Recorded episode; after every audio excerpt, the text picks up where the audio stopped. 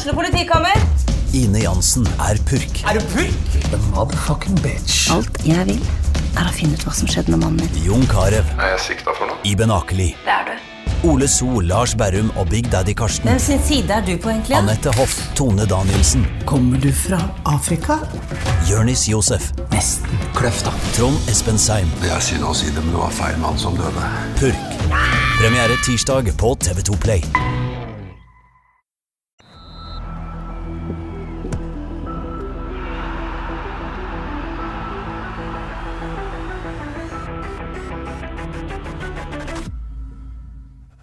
Hei og velkommen til episode 86 av Frelst. Mitt navn er Terje Flateby. Det er tredje juledag. Vi har uh, risikert oss inn i studio, går det an å si, uh, i disse tider. Vi holder god avstand her inne. Vi har uh, vaska hender. Vi er i god form. Uh, tror jeg i hvert fall. Odd Kåre Grøtland, er du i god form? har hatt eh, ferie i uka. Ja. Burde ha samla opp litt energi, så vi kan jo håpe på det. Ja? Eh, Kommer den energien til utløp her i dag, tror du? Vi får se. Ja. Johannes uh, Dale Husbø, velkommen eh, du òg. Tusen takk, Terje Flatby. Ja. Hei, Odd Kåre. Nei, det, formen er grei, men jeg har lagt på meg to kilo barra i ansiktet. Nei, nå uh, syns jeg du overdriver sterkt. Altså, Hvis du ser smashing ut. mener du det? Ja, ja, ja. Altså, Aerobics-senteret de stengte ned liksom, de timene sine for noen uker siden. Ja. Og da går det bare én vei med meg. For her er det kosing på høyt Ja, for du klarer ikke regulere matinntaket Nei, nei. tilsvarende? Nei, det går ikke det. Nei. Jeg, er- det, når, du ser på, når jeg så Wesley Snyder legge opp, og to uker etterpå dukke opp på stadion og var trillrunde det er- det er en miniatyr av meg, vil jeg si. Det er miniatyr av det. Ja, Både som fotballspiller og menneske. ja det, det var dine ord. Jeg kan òg røpe at jeg har lagt på meg noen kilo, men jeg har debutert som padelspiller. Spilte både lille julaften og andre juledag. Ja. Var det kjekt? Ja, det var veldig kjekt. Jeg syns det. Så var det familievennlig. Ja, det går an å forstå ganske raskt. Jeg har ikke testa den der, men eh, det må jeg tydeligvis gjøre snart. Mm. Ja, Så bra. Fikk dere det dere ønska dere til jul, da? Skal vi se Ja, ja jeg går for ja, jeg. Ja, definitivt ja. Terje? Veldig fornøyd. Ja, jeg lurer- nei, ja. ja fornøyd. Rett og slett. Hva betyr det? Vil du være spesifikk? Hva var favorittgaven du fikk? Min favorittgave Dette høres uh, veldig nesten sånn off-topic-aktig til meg å være, men jeg fikk altså et SUP-brett og en våtdrakt. Hvis dere vet hva det er for noe? Det er et sånn, paddle, sånn brett du står på og padler i sjøen. jeg mener ble- jeg har sett et bilde av deg òg.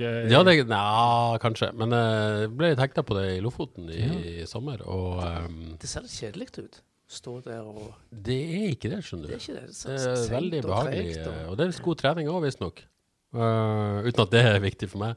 Men uh, det har jeg fått med. Så det er jeg veldig glad for. Skal den testes så snart det blir uh... Ja, nå er det sånn våtdrakt, I Lofoten hadde vi sånn hansker og sokker og full pakke. Det, dette er bare en drakt, så så jeg føler at det er litt tidlig å teste den. da. Det ble ikke før våren? Så kanskje jeg skal ønske meg sånne greier til, til bursdagen min 1. mars, og så kan jeg prøve meg. Smart. Ja. Men uh, ja. Men kan vi bli seende Altså, kan Terje Flateby dukke opp i uh, Eivindsvatnet der på Supprett Nei, nei, det er nok off, altfor offentlig. Så det, det ser du nok ikke. Det blir på et uh, Er det fordi du er kjendis på. Haugalandet? Absolutt ikke. Absolutt ikke. Har ingenting med det å gjøre. Så det uh, Hva med Skeisvatnet? Vil vi se deg der? Uh, Nei, nei, nei. Absolutt ikke. Dere vil se meg på et eh, Jeg, jeg vil aldri se meg, egentlig. Det er vel konklusjonen. På bildet? Eh, knapt nok. Knapt nok. Kanskje noen andre legger ut, men ikke sjøl. Ja. Nok om det. Eh, aner ikke helt hva vi skal snakke om i dag. Vi har en slags plan. Eh, vi tar litt så det kommer. Eh, men planen er jo litt sånn, da. eh, eh, hva skjer egentlig i FKH? Hva er ståa, sånn som vi ser det, og hvordan måte er bildet? Eh, ikke minst for et overgangsvindu som åpner om eh, få dager. Uh, og det, er det vi trodde kom til å bli et viktig overgangsvindu, og fortsatt kan bli det. Men uh, la oss begynne med, med dette intervjuet jeg gjorde med Leif Helge Karlheim et par dager før jul. Der utgangspunktet mitt for å ringe Karlheim var uh, Man vet jo at FK er i en vanskelig økonomisk situasjon, det er jo ingen hemmelighet. Men så får man jo et inntrykk av og til at eh, hm, det går jo ganske bra. De signerer jo sponsoravtaler hver dag, de har starta damelag. Ehm, ja, i det hele tatt. eh, Det er jo en, av og til en viss optimisme å spore. Noen, det sies jo at de har penger til å kjøpe stadion òg, ikke sant? Det, det er noe penger i et eller annet system. Hvordan kommer dette til å gå? Um, Leif Helge Karlheim sier til meg at uh, nei, spillelogistikk det har de ingen fokus på whatsoever. I hvert fall ikke inn. Uh, fokusen er altså å berge lisensen. Og for de som lurer på lisensen, jeg tror de fleste lytterne vet hva jeg snakker om da, men, men alle eliteserieklubber trenger altså en lisens fra Norges Fotballforbund for å lov å spille i Eliteserien. Den er knytta til mange kriterier, deriblant økonomiske. Uh, og at han sier da at uh, FK vil slite med å oppfylle disse økonomiske kriteriene. Så må jeg snakke litt til, det ble veldig tørr i munnen her, men jeg må snakke litt grann til. Uh, samtidig så sier jo kommunedirektør Ole Bernt Torbjørnsen at altså problemet til FK er jo denne stadiongjelda som de nå har opparbeida seg på over 11 millioner, har ikke betalt de to siste årene pga. Uh, covid. Uh, har, har, fått betalingsstopp fra, fra, Haugesund kommune, men den betalingsstoppen da uh, utløp 31.12. Uh, kommunedirektør Ole Bernt Torbjørnsen sier på generelt grunnlag at de forventer alle som skylder Haugesund kommune, at de betaler gjelda si. Uh, og at de da venter på en formell henvendelse fra FK om, uh, om de ønsker betalingsutsettelse, betalingsstoff, gjeldsforhandlinger osv rett og slett hva de ønsker. Um, og så lager jeg også en oppfølger der jeg snakka med Rune Nordhaug i, i, Norges Fotballforbund om dette lisensspørsmålet. Han, han snakka jo ikke om FK sin situasjon, men han snakka på generelt grunnlag. Da sier han jo at i mars, med det første vurderinga, da, så er det ingen som kommer til å få sanksjoner.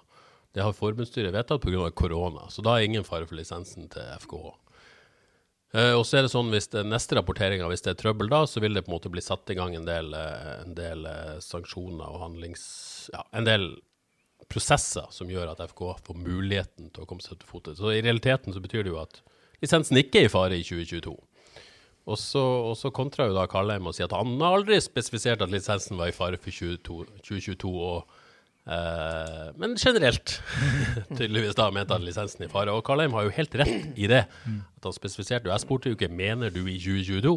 Det spurte aldri Leif Helge Karlheim om. Men jeg vet ikke, Johannes, du som uh, den eksterne her, da. Ja. Når du leste Karlheim-intervjuet, oppfatta du det noe annet som han mente i det kommende året? Nei, altså det for meg som leser, da, og da vet jeg ikke mer enn det som står heller, så tenkte jeg jo Hvis en har um og jeg tvitra så vidt om det. Hvis målet det er kanskje litt hardt, men jeg går for deg. Hvis målet var å spille med åpne kort og fortelle om situasjonen, så hadde jeg vel kanskje tidsfesta det, da. Jo, nu, men det er viktig å presisere. Jeg spurte ikke Leif Helge. Snakka du nå om 2022? Mm. Jeg tok på en måte for gitt med uttalelsene hans at han sa det. Så jeg skal gi han den på et vis, da. Ja da. han bevisst så hadde han vel kanskje unngått å si det. Kan jeg spekulere i? Det kan du kan spekulere, i.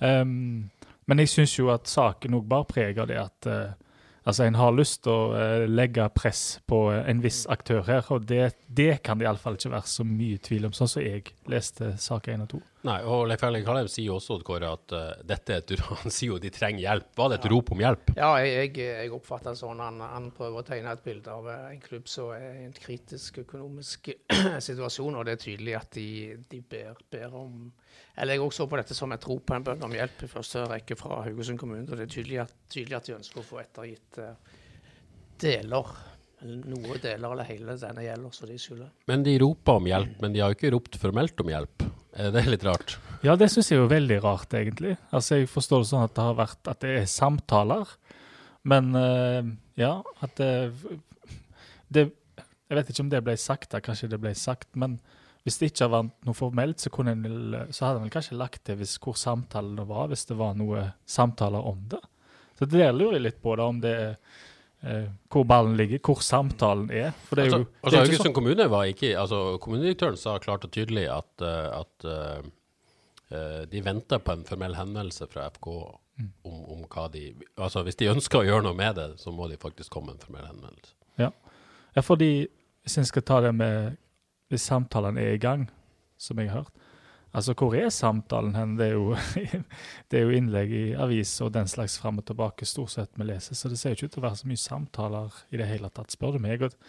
Bare for å ta meg da, fansens eh, standpunkt, og jeg tror jeg har mange med meg der, så lurer en jo på snakker en ikke skikkelig sammen der, siden det blir sånn der eh, innleggskrig i aviser og den slags. Som jo er underholdende, men kan jo ikke være særlig produktivt. Men er det både et rop om hjelp og litt press? Ja, det må det være. Jeg kan ikke forstå annet. Definitivt. Begge deler. Ja. ja. Men uh, det å legge uh, Det man gjør her, det er jo Hvis man uh, har en hypotese da, om at man legger press La oss si det sånn. Mm. Eh, sånn som du leser det politiske landskapet, da, Johannes Husbø. Du er jo en kjent politisk kommentator eh, på Haugalandet. Eh, tror du dette presset funker? Sånn som på en måte, tonen og dialogen har blitt? Eh, altså Som kjent eh, politisk kommentator og synser, Ja. så vil jeg jo si det at eh, Nei, det tror jeg ikke funker. Jeg, jeg tror ikke det, fordi det er akkurat som tiden jeg håper å si, tiden, tiden er forandra. ja. Ja. Håper å synge det litt. Fordi Ja. at alle ser alt nå med sosiale medier og den slags. Så den, det føles som en litt sånn gammeldags eh, presseteknikk. Og jeg tror kommunen har eh, allerede slått seg litt vrang. Jeg kan alltids kritisere kommunen, òg, de virker ikke akkurat å være på tilbudssida hele tida. Men jeg tror de har følt at de har kanskje blitt bølla bitte litt med av FKH. Og da kommer det ingen vei, da. Noen må liksom vise den svake sida, den ydmyke sida for at en skal komme noen vei her. Nå er det, nå er det to horn som smeller i hverandre. Så, sånn sa jeg det. Hva er det, altså, den, den måte, det er vel, Hvis jeg skal komme med nok en hypotese, så har det ikke vært spesielt god tone da, i disse lesebrevene nødvendigvis, og svarene fra politikerne og sånt. Eh, tror du på en måte det Er det grunnlag for å tro at eh, politikerne tenker at oi, er de så alvorlige? Nå må vi hjelpe FK. Tror du de tenkte det? Eller administrasjonen, for den saks skyld. Eh, ja, vanskelig å si. Men altså, det er tydelig at FKH eh, vil spille på dette kortet. eh, Så sier jeg at det- det er, så, så, det er mye verdt for en by som Haugesund ha et lag, lag i Eliteserien. Så det er vel egentlig dette kortet jeg vil spille, ut. Men jeg er jo eh, veldig forundret over at det ikke er mer eh, altså bedre kommunikasjon mellom partene her.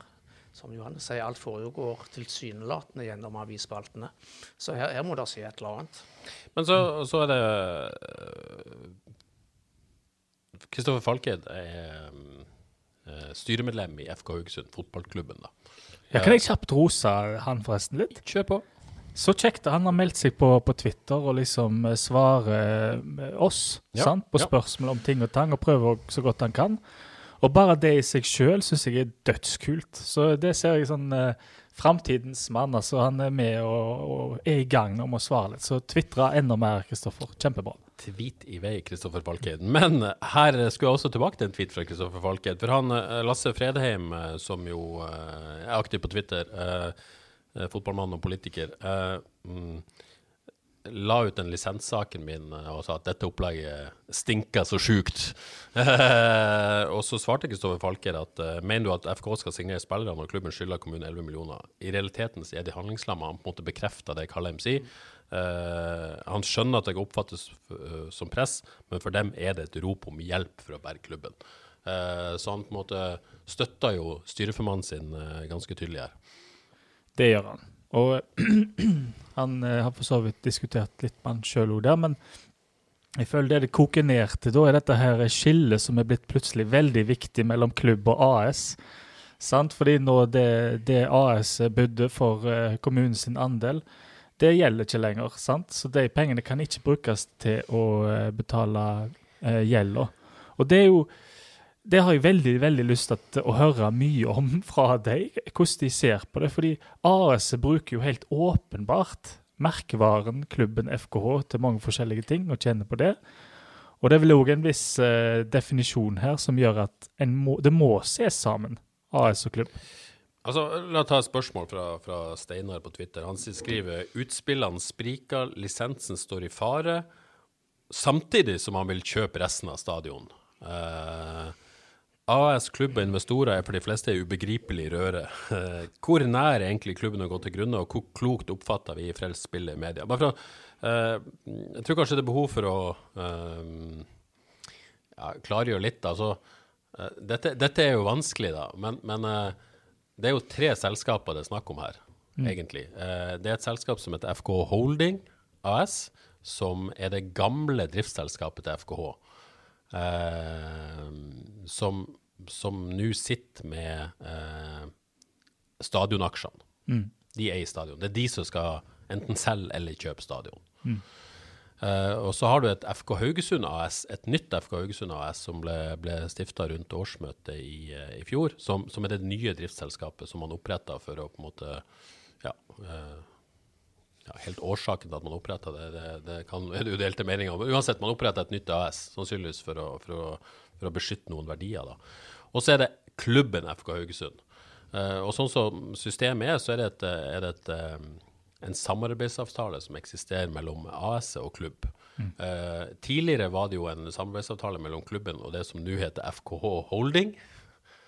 Uh, men man har nå bytta driftsselskap. Det er nå som heter FK Haugesund AS. Og så uh, har jo jeg lest den, den gamle samarbeidsavtalen, og den sier jo, sier jo, sier jo tydelig, sånn som jeg leste den, at, at AS skal dekke eh, alle utgiftene til sportslig satsing. Um, så, og det har jo jeg prøvd å spurt Kristoffer Falken om på Twitter. Er jeg klarer ikke helt å skjønne og Dette jeg også spurt Leif Helge Kallebo Knesheim. Jeg har jobba egentlig med en sak om dette, kan jeg si, som jeg ikke har fått ut ennå. Men eh, jeg syns det er vanskelig å forstå at ikke de, den stadiongjelda Ja, klubben er formelt sett leietaker. Eh, men, men sånn som jeg tolker samarbeidsavtalen, så er det på en måte AS-et som skal dekke den type kostnader. Eh, fordi at det er AS-et som skal dekke sportslig satsing. Og så bare vil jeg si én ting. Eh, det, det, det, er litt sånn vanskelig å forstå. Og så er det dette, men det folk ikke skjønner, det er at eh, hm, FK Holding har sagt seg villig til å kjøpe kommunens aksjer, og så har de ikke råd til å betale denne gjelda. Og det skjønner jeg for så vidt at eh, eh, hvis de skal kjøpe disse aksjene, så blir det sannsynligvis en misjon der eh, eierne av FK Holding, der Ole Henrik Nesheim er, er majoritetseier, må gå inn med mer penger. Og da vil de kjøpe et eiendomsselskap, som stadion er. Eller majoriteten i det. De, eller de har jo majoriteten, men de vil kjøpe hele. Eh, det er ganske stor forskjell på å gå inn med nye midler og dekke drift. Gammel drift. Og det har jo Ole Henrik Nesheim ved forrige emisjon sagt at dette er siste gangen han går inn og dekker gammel moro. Det er jo egentlig det han har sagt. Eller dekk drift. Så jeg tror man ikke kan forvente at det blir ny emisjon for å som, der, Derfor man har råd til å kjøpe stadion, men ikke råd til å betale stadionleie. Ja. Hvis, dere- Ja, hvis dere skjønner forskjellen på det. Ja, men jeg tror kanskje her eh, folk eh, syns det er, er litt rart. Altså, Det skjønner jeg at folk det- syns er rart, men, men det, det er forklaringa på det på et vis. Ja. Og gjelda ligger i fotballklubben sånn formelt sett, og dette er et uh, AS, uh, FK Holding, som, som i 6 av stadion, som ønsker å kjøpe 100% Men altså på den ene sida så mener de at de har, har ganske mange penger altså, til å kunne kjøpe stadion. på den andre Ja, De har det ikke, men de Nei, må i så fall men- sannsynligvis men gjøre en emisjon. Potensielt mener de de har de, Ole Henrik Nesheim eller noen andre har de, da. og så kan de jo ikke betale gjelda. Jeg Nei. tror eh, folk sliter litt med sønner. Ja, men det er det jeg prøver å forklare her. Hvorfor, da? Eh, jeg, jeg, jeg, og det skjønner jeg jo at de ikke vil på en måte gå inn med nye midler. Men, men på den andre sida, da, så er det jo disse eierne som har eh, Mener jeg, da. Jeg syns det er for lett å si at årsaken til eh, Årsaken til at man har kommet i minus, er at FKH som klubb ikke har god nok økonomistyring. da. Fordi at eh, sånn som jeg kjenner FKH, så er det ganske tette bånd mellom AS og klubb. Eh, og eh, at fotballklubben skal ha på en måte drevet klubben og brukt mer midler enn det de hadde, uten at AS var med på strategien, det tror jeg ikke noe på. Oi, du klinker til. Ja, det, det tror jeg faktisk ikke noe på. Ja. Såpass tett er det. Det er felles styremøter. Det er uh, Leif Helge Kalle og Ole Gnesheim har snakka sammen i mange, mange mange, mange år. Og jo- jobba tett sammen. Ole, Leif Helge Kalleheim, som er styreleder i fotballklubben, er i AS-styret. Så at ikke dette er koordinert, at man bare kan si at klubben har eh, ikke brukt mer penger enn det de hadde, og at det ikke har noe med AS å gjøre, det syns jeg blir for enkelt. Selv om det sannsynligvis er formelt rett. Ja, for det er det jeg òg mener, at det er plutselig blitt veldig viktig å skille mellom AS og klubb. Og det måtte jo vært viktig fra starten av hvis det skulle være viktig. Sant? Og økonomien springer vel litt inn i hverandre. Det er vel helt umulig å unngå, både med tanke på merkevarer og med tanke på hvor inntekter går hen til tider. Altså, altså AS har i alle år eh, fått rettighetene til å bruke merkenavnet mot betaling for at de skal, be Ja. at de skal uh, dekke utgiftene. Det er egentlig det bytteforholdet som er. Men hvordan kan da eh, leie av stadion ikke være tilknytta sportslig satsing? Altså, hvordan kan AS frikjennes for ansvaret for det? Nei, det, det er også slitt med å altså, Jeg skjønner den formelle skilnaden, Ja. men sånn um, etisk-moralsk er jeg mer usikker på om de kan det. Mm. Så jeg er egentlig veldig spent på om eh, det er noe kommunen ønsker å utfordre på et tidspunkt, hvis de ikke får disse pengene. Mm. Faktisk. Ja. Om det er noe juridisk der. Men det, det, det er ikke jeg eh, klok nok til å vite, rett og slett. Men jeg syns det er noe interessant der. Eh, Leif Helge Karlheim sa før jul i fjor Før jul i fjor, altså. Ikke i år. Det kan bli krevende å hente inn nye spillere. Eh, vi kan ikke bruke penger vi ikke har. Men jeg er likevel trygg på at vi skal ha et A-lag som kan slå fra seg den viktigste jobben vår, blir å beskytte A-laget. Haugaland har fortjent laget i Eliteserien, eh, sa lege Helge Karlheim. Hadde en tilsvarende sak før jul i fjor. Eh, da henta man Liseth, Selvik på vinteren. Eh, men samtidig så er det viktig, så tror jeg skruen er skrudd ganske tettere, tightere til nå. Min oppfattelse av å ha snakka med eh, en del aktører, da, er at det stemmer på et vis at FK akkurat nå er handlingslamma i spillelogistikken inn. Men den Det er jo én eh, Hvis noen skulle være i tvil om, om det, da. Nei, det, jeg, jeg, jeg tror okay, kanskje ikke noen er så mye i tvil om det. heller. Men er det ikke en liten faktor her som burde vært eh, litt eh, hyppigere nevnt? At de sitter på en gullkalv. Skulle lagt et løp på at den skal selges. For det første så tror jeg ikke utspill, disse utspillene og hvordan det går med klubben, gjør underverker for prisen. Sant? Men det er likevel eh, De sitter på Kristoffer Welde, som etter planen skal selges nå. Og det må jo være, som jeg ser det, minimum åtte millioner der. Erik Botheim gikk til Russland, er det 100 millioner vi snakker om. Ja, jeg mener, altså, alt under åtte er jo Holder jo ikke, og det bør være tosifra på Kristoffer Welde, tror jeg. Jeg tror ikke det blir tosifra. Nei, nei, prisen kan I sommer tror jeg det hadde vært uh... Jeg tror det handler om høstsesong, det handler om alder, det handler om uh, marked, ikke minst. Det handler kanskje litt om klubbens situasjon Og nå, som er kjent. som sannsynligvis ikke er noen sånn god situasjon å selge spillere i. Det det Veldig kan, lett å være Bodø-Glimt og selge spillere. ja. Det er Det mye kan- vanskeligere å være FK og selge spillere. Men noe under åtte millioner, Ja. det kan ikke jeg forstå. Men, men, men der er det noe interessant. Altså, uh, Reidun Norskog spør om dette på, på, på Twitter. Altså, er, man attraktiv for nye spillere etter et sånt utspill? Hva med de som tenker på å skrive under ny kontrakt? Og er dette perfekt for gribbene der ute? Uh, og, og Jostein Grindøy for et par uker siden, han ville ha en større stall. Snakker de sammen, disse folkene? Eh, eller har lynet slått ned nå fra klar himmel? Hva, er det, det er jo ikke rart folk blir litt forvirra. Og det er jo litt komisk, fordi samtidig som eh, en får disse sakene om at eh, lisensen er i fare og den slags, så kom jo eh, det nyheter for FK, den ene spilleren etter den andre signerte damelaget, da, sant? og det satses på damelaget, det er positivitet og den slags.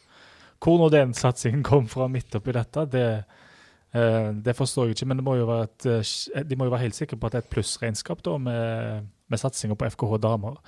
Så det blir en sånn kontrast mellom eh, krisestemning i eh, oppslag, og så prøver en å holde det gående og kjørende med ja, altså Jostein Grino har jo både Enten så er det det pluss Det er ikke helt å bli klok på hvor han eller er, da. Så Ja, men men det er interessant det med damer, fordi at dette er jo en klubb som i mange år har sagt nei til damesatsing fordi at man eh, eh, Kostnadene knytta til det, og at man ikke vil risikere noe av det som tross alt er hovedsatsinga, det å ha et eh, herrelag i Eliteserien. Mm.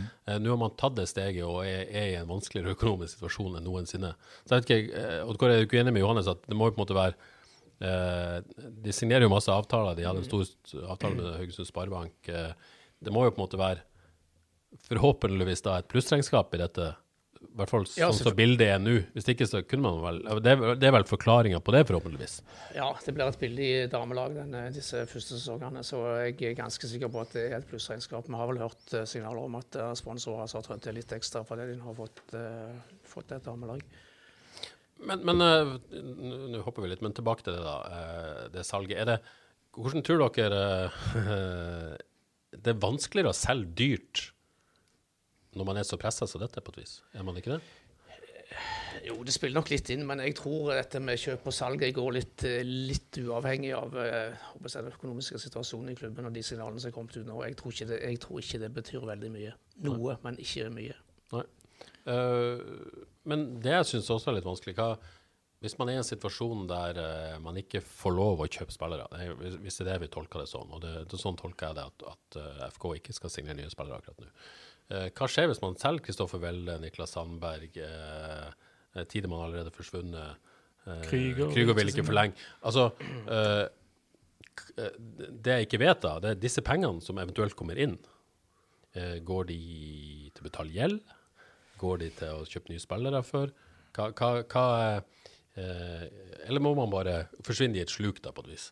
Hva ehm, og, jeg- I en drømmeverden det så hadde jo godt spørsmål. ja, altså, og, og, og hva gjør det med, med klubbens forhandlingssituasjon? Vil de selge fordi de trenger pengene?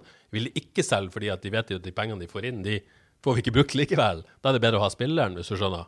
sånn. Ja. Eh, og hvis de selger Kristoffer Welde for 8 millioner, vil eh, folket i Haugesund da forlange at de faktisk betaler gjelda si til fellesskapet Haugesund kommune, eller eh, vil de at de skal investere i en eh, ny spiss? Ikke en spiss, da. Ny kantspiller.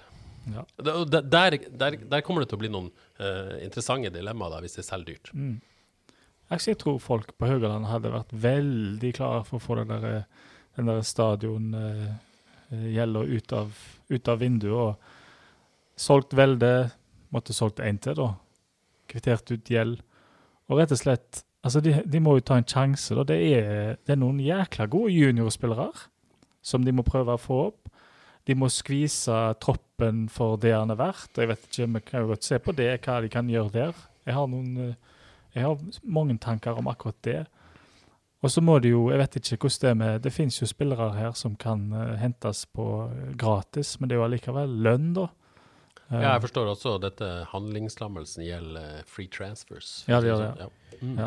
Altså, For for omdø- omdømmets del så tror jeg det. Selge Kristoffer Welde for 8-10 millioner, betale gjelda, bli gjeldfri. Det tror jeg klubben hadde stått seg på. På alle Ja, måter. At det ser bra ut, rett og slett. Ja. Sånn omdømme goodwill-messig. Jeg tror det De har jo klart seg med en helt eh, utrolig eh, tynne tropp før. Um, og jeg, jeg, det skal ikke så mye til heller for å klare å komme seg gjennom sesong, for det er jo en liten sånn liten ekstra ting her, da. Til FK-sporteren eh, Johannes Dale Husbø, vil du, tåler du en sesong i bunnstriden der man faktisk reelt er i fare for å rykke ned, hvis man må få gjort opp den gjelda?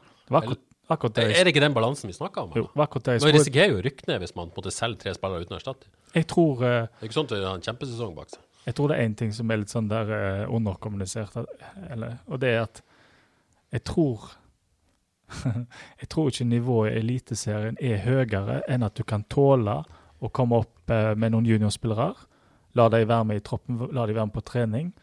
Så lenge du har en god stamme og en bra elver, så, tål, så tror jeg FKH tåler det. Og jeg tror de Det kan bli nedrykkskamp, men jeg tror de holder seg greit. FK hadde en av de yngste stallene i Eliteserien i år, og her er det utviklingspotensial. Det må vi ikke glemme. Men da, Dette er ikke et lag som automatisk vil kjempe i, i nedrykksstriden. men kontraargumentet eh, Man eh, var kanskje ja, et av de dårligste lagene i Eliteserien i høst. Eh, hvis man trekker fra Kristoffer Welde, Benjamin Tidemann og kanskje en, uh, en Niklas Sandberg, muligens en eh, Kevin Krygård, fra det regnestykket og erstatter de med juniorspillere i en stall som, som allerede er liten, og som var veldig heldig med skader i fjor.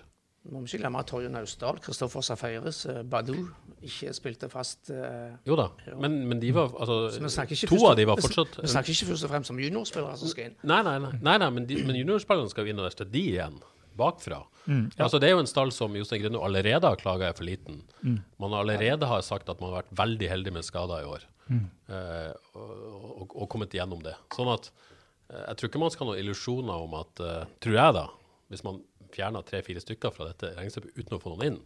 Og det er jo ikke sånn at man fjerner bunnen i stallen, man fjerner jo toppen. Skal vi se på det, spiller for spiller? Ja, la oss, la oss vente litt. La oss vente litt grann. Uh, la oss ta litt situasjon til situasjonen, da. Eh, Raymond Skau skriver på Instagram at han syns det er mye rykter på spillere ut, sånn generelt. da. Eh, la oss ta Kevin Krygård. Hva, hva tenker du som FK-supporter at Kevin Krygård sier at uh, ja, takka nei til ny kontrakt, han vil avvente, se om det er noe i markedet, er det noe der ute? Eh, han uh, vil vurdere å snakke igjen med FK når det internasjonale overgangsvinduet er stengt, altså i februar. Da, uh, da kan han ta opp tråden hvis det ikke har skjedd noe. Syns du det er greit? Ja. Han har ett år igjen av kontrakten. Mm, han har spilt fast i to sesonger nå, har mange eliteseriekamper. Har vel ikke blitt mer enn 21, noe sånt. Um, med tanke, altså Fra hans ståsted så tenker jeg at ehm, han hadde kanskje hatt godt av uh, en sesong til i Eliteserien. Jeg vet ikke helt hva toppnivået er, hva han er god for, men at han har lyst til å se, prøve å gå for det nå. Fordi det å være 21 kontra 22-23, det er en stor forskjell. Da går det fort fra å være talent til å være eh, etablert. Ja, for han er mye mer attraktiv alder nå enn om to år. Absolutt. Ja. Så, eh, og for, eh, med tanke på FKs situasjon òg, så eh, gir det jo veldig god mening på alle måter at han eh, kan, skal selges. Hvis de kan. Ja. Men jeg vet ikke eh, Hører liksom ikke så mye rykter da, om eh, klubber som snuser på klubber. Nei, altså, Kevin Krüger var jo, var jo en av de spillerne man beskytta under permitteringsperioden i, i mars, fordi man var redd for at Da var det jo klubber. Det var vel bud også fra Stabæk, blant annet. Det var, det var noen klubber som var interessert i det. Men, det. men det har vært lite på en måte rykter om han i etterkant, da. Jeg har Men, ikke så- men hørt så har jeg vel eh, ja, Han hadde vel ikke en heldig 2020-sesong der liksom han skulle være Tronstad-erstatter og så var skada. Sånn, sånn. Men jeg syns jo han har tatt steg i 2021. Mm. Uh, men spørsmålet om de stegene har vært gode nok til at han klarer å få en så god klubb som kan betale det FK forlanger, og som er på godt nok nivå for han. da. Ja, for, hva tror dere om sum? Nei, det syns jeg er vanskelig. Men eh, det er, det, den er jo under Velde. Velde har lengre kontrakt igjen, selv om Velde er vel ett år eldre, Mm. kanskje to. Eh, Jeg tror ikke 2099. ja, men når jeg snakker om målpoengene til Velde, og, og i det hele tatt, så, så Og jeg tror han er godt under Velde. Ja. ja, det er snakk kanskje tre, kanskje tre millioner. Ja, da, da ville jeg vært glad. Ja, maks. Jeg sier maks 2,5, jeg, tenker Ja. jeg for han. Tre. Tre. Bra, så har vi i hvert fall. Ja, men altså, jeg sier maks tre. Altså, Ja. heldig. Og øh, skal man legge sted at uh, Kevin Martin Krüger agent heter Atan Ekesen og akkurat solgte Patrick Berg til, til Frankrike for 40 mill., så øh, Det er en tiendedel der. en av en tiendedels Patrick Berg. Ja. Men han har, altså, han har jo så mange kamper i Eliteserien, eh, og så er så Veldig ung ung alder. at det går, må jo trykke på Bra. CV med U-landskamper og Ja, i ja, det hele tatt. Absolutt. Så det, de må, men det må jobbes, tror jeg, for å selge han for en del. Ja, men det virker ikke som de ønsker å selge. Ingen tvil om at FK ønsker å forlenge med Kevin Martin Krygård. Så planen til FK er jo helt åpenbart ikke å selge i, i vinter. Og det fatter jeg ikke, for nå er midtbanens er jo det den plassen hvor det faktisk ser uh, sterkt ut, og hvor de har mange spillere. Så, um, og han eh, han har tatt steg, men jeg tror laget skulle klart seg greit uten han så Det er åpenbar salgskanin for meg. Ja, og så, har vi- så har vi Tore Pedersen, da. Eh, han snakka jeg med like før jul. Det er en sak jeg ikke har uh, laga ennå. Eh, Men han sier til meg at han vil ikke si at han har takka nei til ny kontrakt, men han avventa det. Mm. så er ikke han- han- han- han har fått et kontraktstilbud. Han har fått et kontraktstilbud. Han eh, ønsker helt åpenbart ikke forlenge den foreløpig. Så han er jo på en måte Han er ikke så tydelig som Kevin Martin Krygård, men sier jo egentlig det samme. Eh, men samtidig, så når jeg spør Tore om tror du han spiller i FK i 2022, ja, det tror han jo egentlig. Han trives veldig godt der, og sånn, og sånn, men han har lyst til å se om det skjer noe.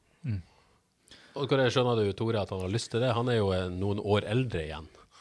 Ja, tida tilsier at han kanskje bør eh, tenke i hvert fall på å komme seg ut, og det har han potensial til. Men jeg tror òg Tore Pedersen spiller i FK i 2022. Tror han spiller i FK i 2032? I 2032. Nei, 2024 og 2025 er jeg mer usikker på. ja. Nei da. Eh, det har jo gått eh, rykter om Vålerenga-interesse, sterk Vålerenga-interesse. Noen påstår at det på et eller annet tidspunkt kom et bud som jeg ikke har fått bekrefta. Eh, men det virker som Vålerenga har gått for Vegard Hegg. Egen Hedenstad. Jeg vet ikke om den er i boks eller ikke. Jeg tror ikke den er i Nei, boks. men da, det er helt åpenbart på jakt etter en, en back, da. Ja. Um, burde Tore Pedersen, hvis FK altså, Hvis det har vært et bud, da, så har i hvert fall ikke FK godtatt det. Jeg mener, hadde, det vært noe poeng for eh, Tore Pedersen å gå til Vålerenga? Mm, ja, altså, har jo en høyreback i Christian Borchgrevink, så Ja. ja, det er vel, de ser vel at han kan spille på begge backer, og det er jo sikkert en forholdsvis betydelig høyere lønn. Um, og sant, han ser vel eh, Han tenker vel sikkert på situasjonen i FK, han òg, hvordan det går her, og blir usikker og den slags. Ett år igjen av kontrakten, da er det jo enten selg eller forleng. Det er jo det som gjelder. Ja. Så at han eh, som har òg hatt Jeg syns jo to veldig eh, gode sesonger på rad, at han er sugen. Nei, det forstår jeg godt. Og med tanke på hvordan han er blitt flytta på, sant Jeg lurer på om ikke det Vålerenga-greiene kom sånn rett i forkant av at han havna rett på høyrebekken igjen etter å ha vært venstrebekk en stund. At eh, de trengte en liten eh, Jeg tror han får respekten han eh, fortjener i 2022, eh, hvis han signerer, da. Ja. Men hvis ikke, så må han jo selges. Skal de ha penger? Altså, de må, må jo gjøre det, da. Ikke sant? Så skal vi ikke gå i dybden på alle, men, men Niklas Sandberg har jo signalisert at han eh, er ikke motstander av at det kom et bud fra Viking. Stavanger Aftenblad eh, meldte før jul at de trodde det kom et bud på, på Sandberg rett over nyttår. Eh, ja, Setter vel på litt samme informasjon om at det kan, kan skje noe der. Eh, Kristoffer Welde har vært tydelig på at han vil vekk. Benjamin Tidemann er forsvunnet allerede. Sondre Liseth vil jeg tro begynner å bli attraktiv i markedet. Um, Daniel Ivarsen spør hvor mye kan FK realistisk få inn totalt i spillersalget i, i vinter, hvis man på en måte ønsker det, da. Hvis jeg legger jeg til, da. Uh, det er jo et vanskelig marked, men, men man kan jo se for seg at man kanskje kan få et sted mellom 10 og 15 hvis man går inn for det. Ja, det tenker jeg jo. Men Ja. noe, øh, jeg kan ikke se at de kan få noe særlig mer. Og da snakker, jeg, og da snakker vi jo salg av øh, Niklas Sandberg, det er jo ikke snakk om mange millioner akkurat. Nei. Hva er det der? Halvannen to, kanskje? Ja, maks. Det er ett år så har du Si Krüger, da. Si to og en halv der. Da er du oppe i en fire. Si Velde. Si åtte der, da, så er det tolv. Så mellom 12 og 15 rundt der. Det, det, hvis de går for det, så, Ja, bør, de, for det, sant, så så bør de kunne hente 12-15 millioner. Det bør de absolutt. Men det er jo selvfølgelig en, en balanse i markedet med å gå for det. Det er vanskelig å legge spillere ut til salg. Da, da, da er de, altså Sånn fungerer jo markedet. Det er vanskeligere å få summer for de som helt åpenbart er til salgs. Ja, da går prisen fort ned. Da går prisen fort ned. Så spør eh, Daniel Karlsen når FK skal satse på europamedalje. Alt de har å komme med, og berge plassen. Jeg vet ikke om det er Godt spørsmål, Daniel, men jeg vet ikke om timinga var perfekt. Så ærlig må jeg vel kunne være. Ja, den ble vrien. Den er vrien. Um, men, men Daniel har et bedre spørsmål, før vi kanskje skal gå inn på dette laget i 2022. da. Uh, hvordan spillerne som skal spille for FK i 2022, ser mest spennende ut? Og da, Sånn som jeg skjønner spørsmålet, så ser han på hele stallen. Uh, hvem er det vi forventer mest av i 2022? Jeg har store forventninger til nykommeren Kristoffer eh, Nei? Christos. Christos Safaris, som har imponert på trening og hatt en veldig god sesong i Grorud. Ellers så forventer jeg at Anders Bertelsen tar nye steg som mistopper. Sondre Liseth. Sondre Liseth blir enda bedre. Ja, det tror jeg. Jeg tror eh, Ja, de tre eh, Jeg gleder meg virkelig til å se. Og Tore Pedersen, hvis han får spille høyreback, blir enda bedre. Ja, Der har vi det. Godt oppsummert. Ja. Men hvis vi skal la et tankeeksperiment, da. Det er jo tross alt jul, og da kan vi kose oss litt med sånne ting. Uh, hvis vi tar et tankeeksperiment med et FKH-lag uten uh, Krygård, uten Tore Pedersen, uten Niklas Sandberg og uten Kristoffer Welde Det er gøy. Det er vel de fire der som kanskje eh, er de mest Alle fire tror jeg ikke forsvinner. Men, men hvis vi skal på en måte si de som er eh, nærmest nå med tanke på kontraktsituasjon og attraktivitet, eh, som de to kriteriene Eh, Hvis vi setter opp et lag i 4-3-3, da kanskje? eller? Ja, Ja. Keeper, den er grei. ikke så vanskelig. Nei, den er grei. Der står Selvik. Det er så Selvik. Og så har vi en, eh, en, eh, en forsvarsfirer med Hvem er høyreback? Et kjempeproblem med en gang. Tore Pedersen. Ja, men han er solgt. Han er sant. Ja. Ja. Ehm, Har jo en uh, høyreback. jeg tenker da at uh, de må rett og slett gå for uh, Terkelsen på høyreback. Ja. At det blir alternativet alternativ i en såpass eh, tynn stall. Det tror jeg de må gjøre. Og så må de jo kjøre en Fredriksen og Bertelsen som stopper her. ja, den er opplagt. Ja. Den er grei. På venstreback så er det jo Det eh, er tynt bak. Ja, det er tynt bak. Kjempetynt. På venstreback så er det jo uh, kjempevrient da igjen. Men uh, da må en jo bare virkelig håpe på at Stølås eh, tar opp hansken og får en kjempefin treningsvinter og eh, er klar når det starter. Nå som han er litt sånn avskrevet Gud, Gudene han- vet. Han har tilbake. slått tilbake før. Og med Sølvi Bojang som cover på bekken her. Ja. Jokke, sant. Du har jo han ja, han er ikke signert. Det er, Nei. det er for så vidt et godt spørsmål som vi ikke har eh, det, Hva skjer der? Får vi ha med han i, får vi ha med han i eh, laget? Uh, Nja OK, da.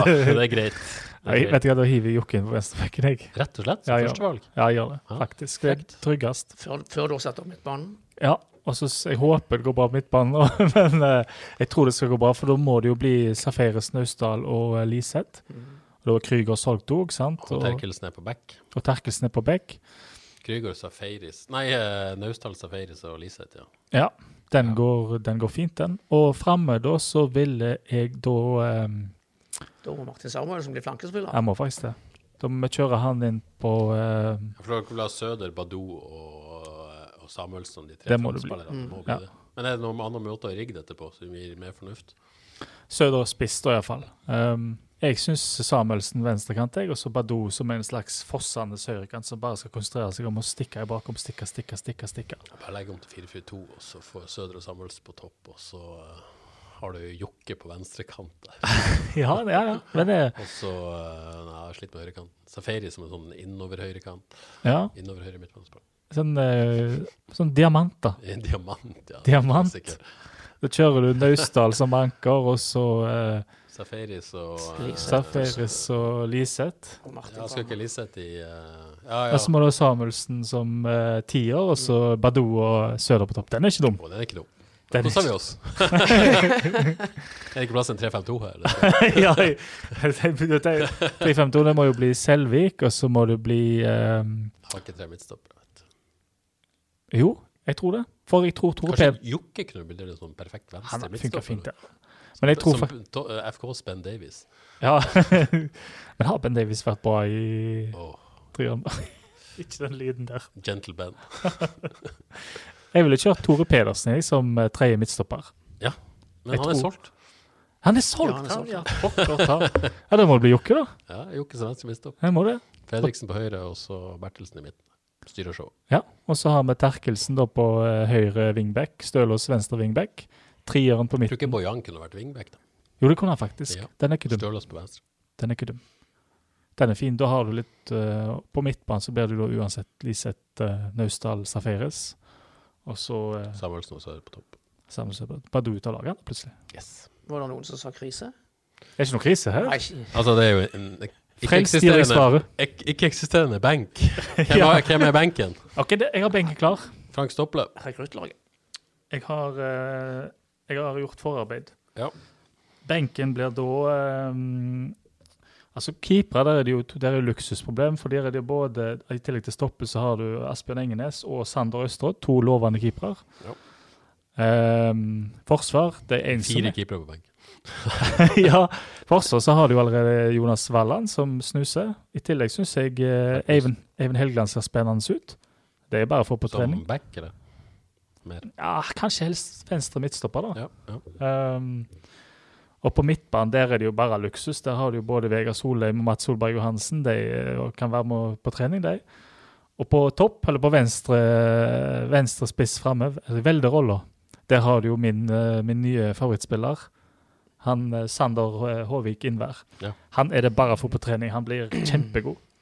Og så har du jo luringer, da. Mathias Kjoland, Øvrebø målsnik. Sant? Du har Bygnes, eh, André eh, Hovland Lønning, som kan eh, være med å gjøre en jobb. Det er masse spennende unge rekruttspillere som jeg syns må få være med på Det er et enormt steg fra fjerdedivisjon til tredjedivisjon til Absolutt. Men de må, de må virkelig skru til stikkene og får de på trening. Hvis det er krise, så er det krise. Da må de jo gjøre det på den måten. Men samtidig er det sånn, eh, er litt seriøs. Hvis man ser for seg at dette faktisk hadde vært stallen, ville man ikke gått inn og tippa FK nesten på nedrykk, da? Altså eh, basert på den høstsesongen med et mye bedre lag.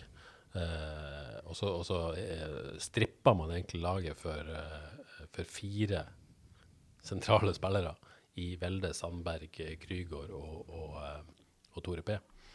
Uh, det er vanskelig å på en måte ha tru og være sikker på at dette laget berger plassen.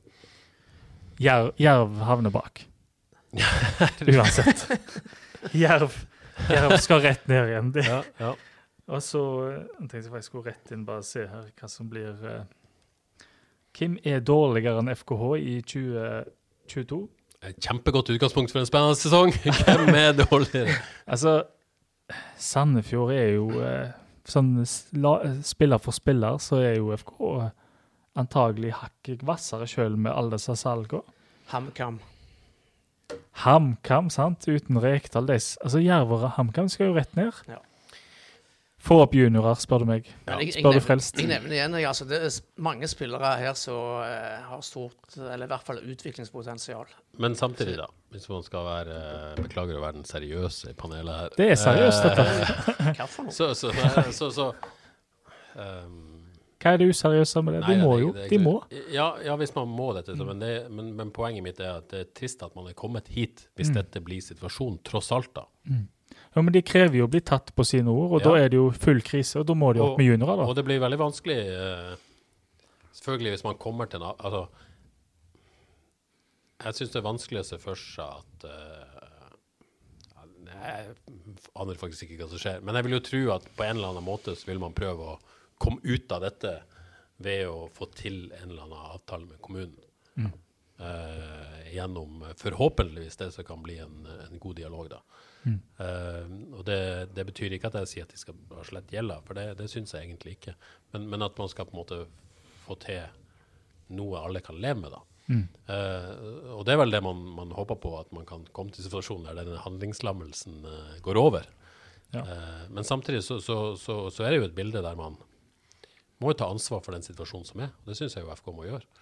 Ja, for jeg tenker, hvis en, hvis, jeg ikke, hvis en ikke skal tolke ordet til Kallheim, så må en jo tenke at uh, lisensen er i fare allerede neste sesong, at det kommer en handlingsplan la, la, la.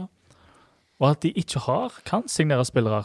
Da, Ja. tol, da tolker en ikke. Jeg skal bare følge fra. Ja. Sant? Og da, hva valg har du da? Da kan du jo ikke signere spillere, Nei, og da, og da må du prøve å få solgt Med mindre det blir en avtale med et annet slag. Da. ja, sant. Og da må du prøve å få solgt uh, største verdi, Velde, som kanskje kan eh, hjelpe på med gjelda. Og da må du satse på uh, unge spillere og ta risikoen med det. Det er jo, Hvis du ikke tolker det han sier, så er jo det eneste utvei. Men Kåre, burde man, eh, i lys av det som Leif Helge Kallheim sier nå, burde man signert Martin Samuelsen og Alexander Søderlund og i det hele tatt Burde man eh, vært så eh, råflott i, eh, i store anførselstegn eh, som man var i, i fjor sommer, da? Man, eller eh, hva, hva, hva tenkte man da? Ja, hva vet du om økonomien da, egentlig? Jeg Nei, det, jo- det, det, de hadde jo fortsatt eh, De visste jo at de kom ut av året med gjeld til 11 millioner kroner. Tok de for gitt at stadionavtalen kom til å gå igjennom? Det vet vi ikke. Men, men jeg, eh, jeg tror de vurderte det som at de ville få mye igjen for pengene med disse to lokale spillerne. Ja. Og det har jo på en måte vært si, gjennomgangsmelodien litt i forhold til at man har satsa. Altså det å eh, ta ned satsing, så tar man også ned eh, tilskuertall, man tar ned medieinntekter, man tar ned sponsorinntekter. Så det er på en måte, man må satse for å få inntekter. Og sånn har jo på en måte, i hvert fall min oppfattelse av det, FK hadde en sånn, om ikke høy risiko, så har man eh, drevet sånn da. At man satser ganske mye fordi at man, alternativet er å ikke satse, og det er å ikke få inntekter. At man på en måte, om ikke, jeg, vil ikke ta ordet gambling i min munn, men, men poenget er at man har, eh, man har hatt en offensiv strategi da, på det. Også, også selvfølgelig så, så er det jo et, et spillesalgsmarked som, som bunnen har falt ut av her. Det er en veldig vanskelig balansegang. Nå, sa du de satsa offensivt, men nå solgte de det var mange som mener de solgte seg vekk fra en, eh, kanskje en medaljekamp Ja, i, i, i år. Godt poeng. Og så er jo spørsmålet om hvor mye, hvor mye penger er det verdt å ta f.eks. en bronsemedalje. Ja, men nå sa jo Leif Arne Karlheim at, eh, i, i det intervjuet med at det var helt, helt nødvendig. Vi har jo diskutert dette i studio her, om det, de burde gjort det eller ikke. Uh, og han sier det var helt, helt nødvendig. Hvis ikke, så ja. Men de taper jo på det. ja det er et Men jeg- regnskap som er vanskelig å, å ta, selvfølgelig. Jeg mener de taper på det, i hvert fall. At de hadde, for de hadde, havna, de hadde garantert havna høyere på tabellen, og de hadde fått uh, minst like mye for Vaji, tipper jeg. Så er det store spørsmålet, da. Det største spørsmålet av de alle. FK hadde en løsning.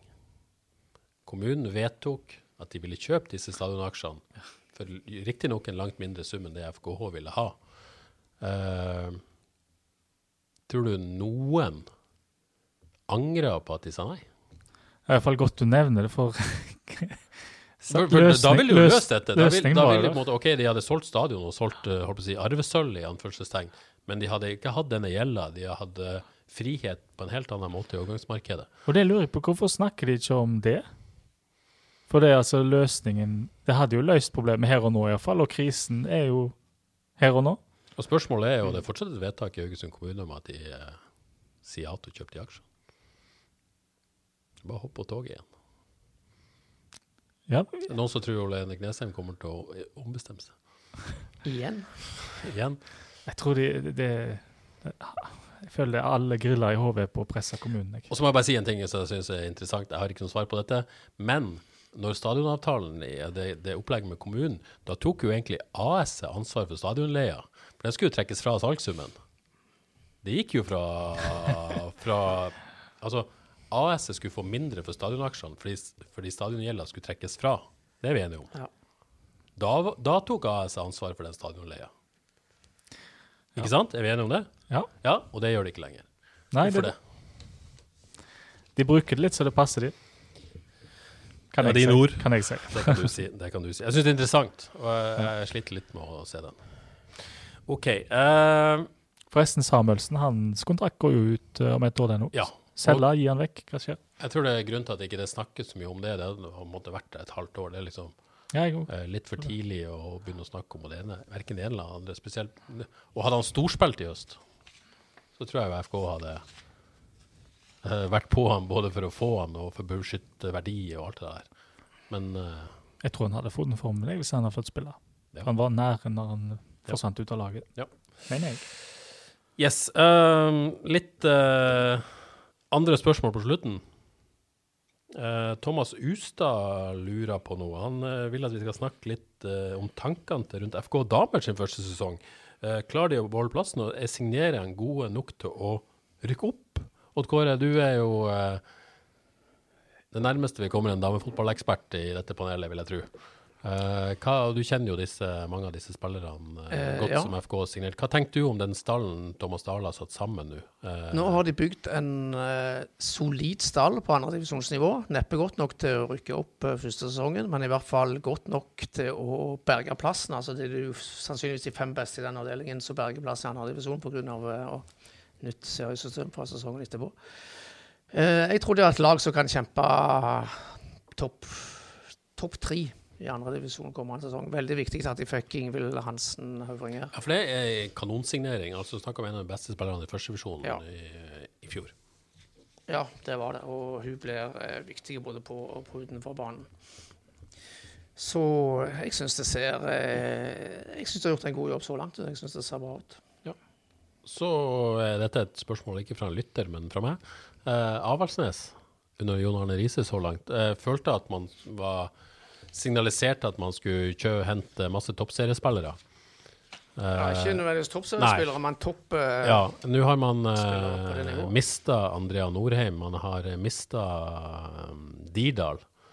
Uh, Robin Dekker, Anna Jøsendal, Gio. ja, med flere. Eh, ut det som har kommet inn så langt, nå syns jeg det er vanskelig å vurdere, men det er to landslagsspillere fra Ghana og ei amerikansk spiller. Hva mm, Virker litt sånn tilbake til der man var tidligere med, med utlendinger, eller? Ja, jeg er jo jeg er redd de fortsatt er i minus i forhold til, til inn og ut så langt, men de, skal, de jobber jo selvfølgelig hardt videre på, på overgangsmarkedet, så det, er litt, litt grann sånn kritisk. Eh, Hva vet du om kvinnefotballen i Ghana? Eh, Vet du hva? Jeg, eh, lite og ingenting. Derfor eh, søkte jeg Jeg sjekka Fifa-rankingen. og Ja. Ghana, Ghana er faktisk ganske bra i Ja. sånn afrikansk sammenheng. De er Ja. fem, nummer 57 på Fifa-rankingen. Ja. Nummer fire i Afrika, bak Nigeria.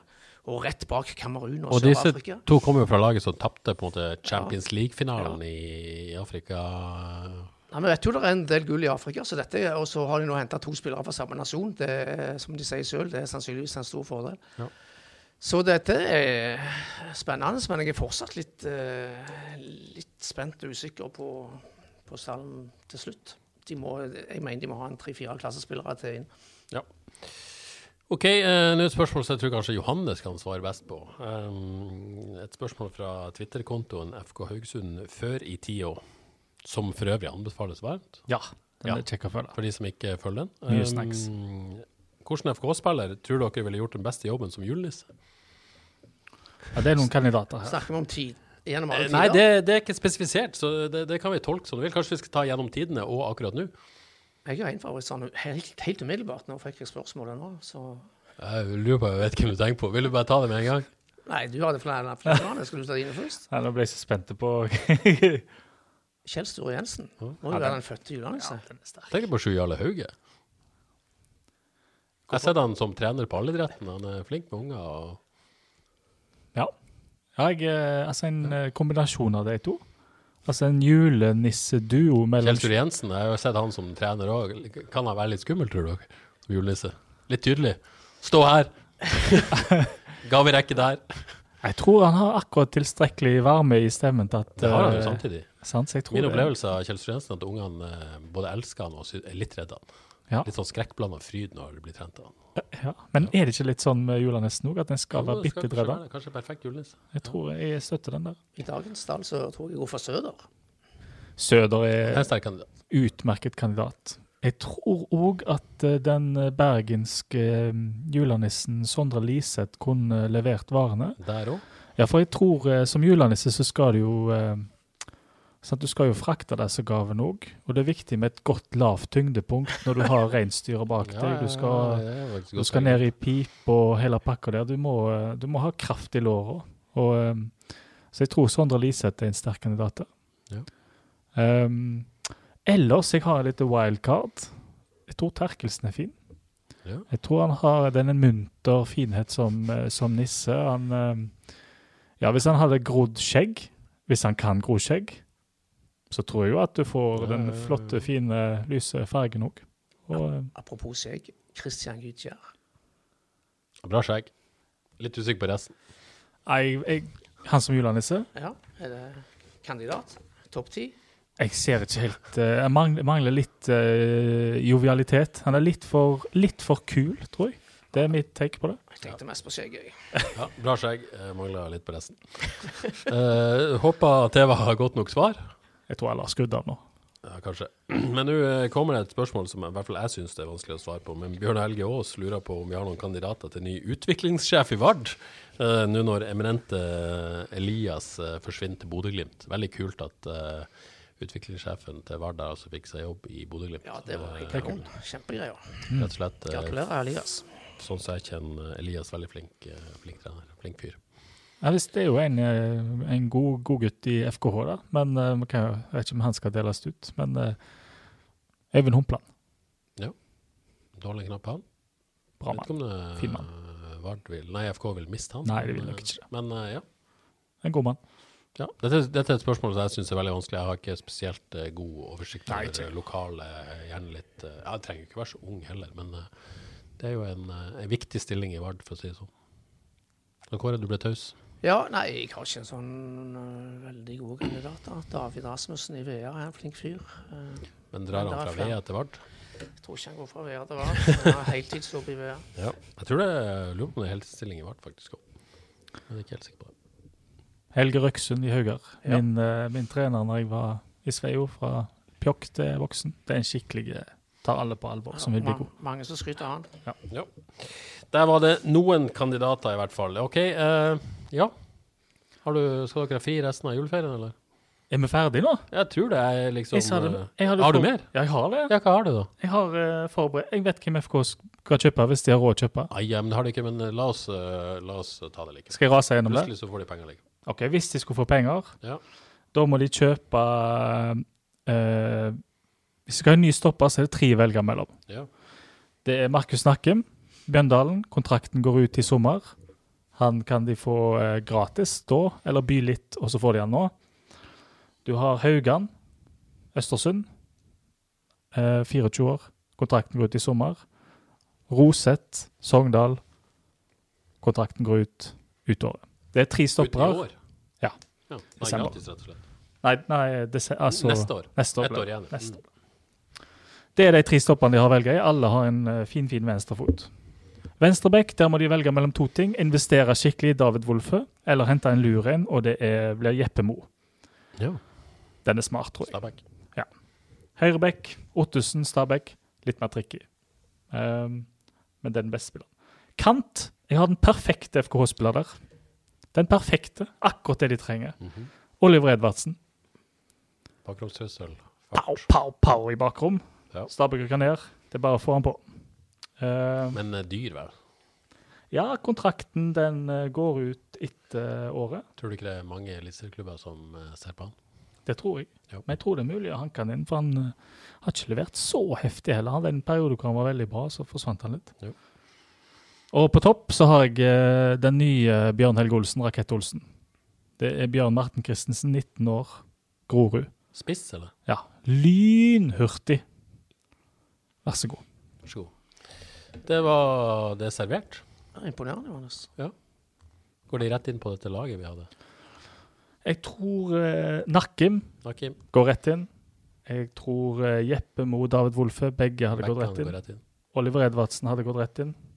Resten hadde trua. Apropos Oliver Edvardsen, han kunne vært uh, søskenbarnet til Jostein Grinde. Han er veldig lik. Har du ikke lagt merke til det? Han kunne ha vært, faktisk. Nei, det har jeg faktisk ikke tenkt på. Bare se, Finn et bilde av Oliver Edvardsen og se på en litt yngre Jostein Grinde. Prikk like. Prikk like. Dette føler jeg før å eh, legge ut et bilde på Instagram, så uh, kanskje det kommer. Uh, nei, det klarer jeg ikke å se for meg akkurat nå. Ikke jeg. Ikke heller. OK, Odd Kåre, hva um, Store planer resten av jula? Jeg skal jobbe. Du skal jobbe, ja.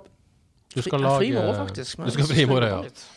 Du skal kåre et årets idrettsnavn for eh, Haugesunds Avis i år, og du Ja, skal, skal eh, lage din sedvanlige topp 50 eh, fotballspillere i distriktet. Og topp sa- eh, samarbeid 20 damer, ikke sant? Jo da, Men det du vi som er skal gjøre et sjefen. forsøk. Ja, Spennende. spennende. Kanskje bruke Johanne som konsulent. Han er så dyr, så må Nei, det er han ikke. Nei, Jo da. Nei, det er gratis. Jo da. Nei. Du da, Johannes. Har du planer? Eh, ja, fri. Ut på byen hver kveld? Og så fra onsdag, nei, fra i morgen kveld så blir det ut på byen hver kveld. Ut på byen hver kveld. Men det er jo stengt. Ja, det er det. Vi kan gå frem og tilbake i Eller, nei, du, ja, du kan gå ut og spise på restaurant, tror jeg. Eller det vet jeg ikke, men det er jo ikke alkohol. Kan man danse? Eh, jeg tror lov dans. Men danser du uten alkohol? Nei. Nei, Nei, det ser du. Da blir det dans på lokalet. Rett og slett. Danser i stua. Hos meg er det alltid åpent. Ja, det går bra med Pussebø i jula. Pusebø har faktisk eh, tålt kulden bra. Ja. Han er ute, det er kaldt, men han liker snø òg. Gruer han seg til nyttår og raketter? Eh, han vet ikke om det. Han vet ikke om det, Det blir nei. hans første Hans nyttår. første nyttår. Oi, oi. Men den største hobbyen nå for tida er å prøve å få has på eh, noen kråker og litt forskjellig. Mhm. Men eh, de leker litt med han. Ja. Men Hva fikk han servert til jul? han fikk faktisk noen julepresanger, det er helt sant. Han har, han har fått ei flott han har fått ei flott eh, and som han kan leke med. Som med. Så han har fått en sånn god snacks som vi deler på, på lørdagskvelden. Ja, Nå tror jeg vi er kommet der i Vær varsom-plakaten at du beskytter mot deg sjøl. og hvis noen lyttere er med oss eh, fortsatt, så tror jeg vi gir Jeg oss der. Ingen Gjert Elver i dag, Terje. Nei, ingen gir Å, i dag. herregud, så deilig. Ja, det er ganske deilig. Så beklager at jeg holdt dere på pinebenken så lenge og ikke har gitt elver. Men uh, vi må jo spare noe. Det er jo begrensa. Ja. Blir det hva gjør Pusebø på en slags erstatning for Jetelver? Mm, ja. Nei, det ble det ikke. vi gir oss der. Det var det vi hadde. Tusen takk for dere som, uh, dere som hørte på. Håper dere har hatt ei fin jul, og håper dere fortsetter å ha ei fin uh, romjul. Tusen takk for at du har hørt på, og tusen takk til dere, eh, Odd Kåre og Johannes. Takk skal du ha, Terje. Anbefal gjerne 'Frelst til en venn'. Å, jeg glemte en ting. Oi. Vi hadde Even Sehl med oss sist. Ja. Ja. Inntrykk? Veldig eh, Skeptisk? Ja, Nei, jeg nei, nei, nei. På ingen måte.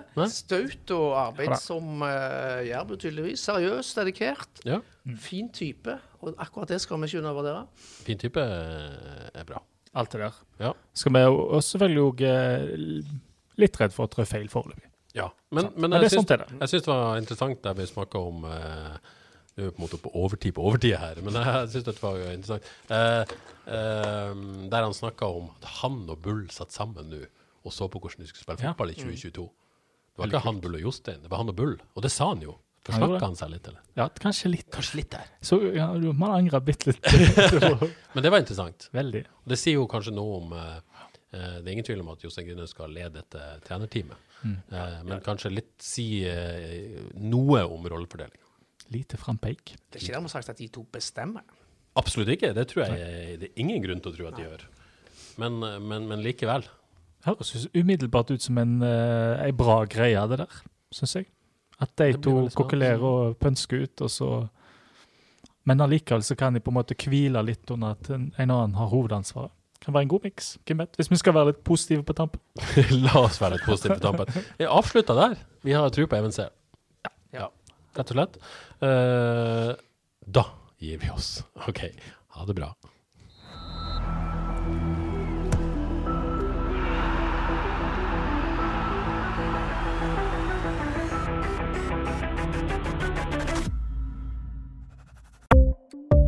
Ukens annonsør er HelloFresh. HelloFresh er verdens ledende matkasseleverandør og kan være redningen i en travel hverdag.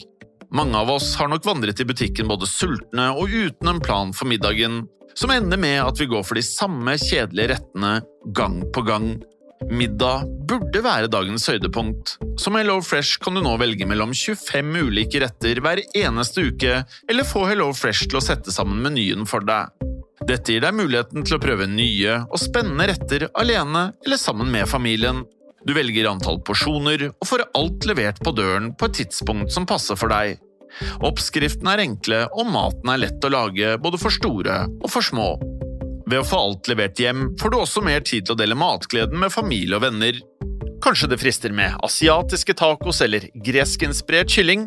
Da kan jeg anbefale deg om å gå inn på hellofresh.no. Her kan du bruke koden FOTBALL og få opptil 1779 kroner i rabatt på de første fem matkastene hvis du ikke har prøvd Hello Fresh tidligere.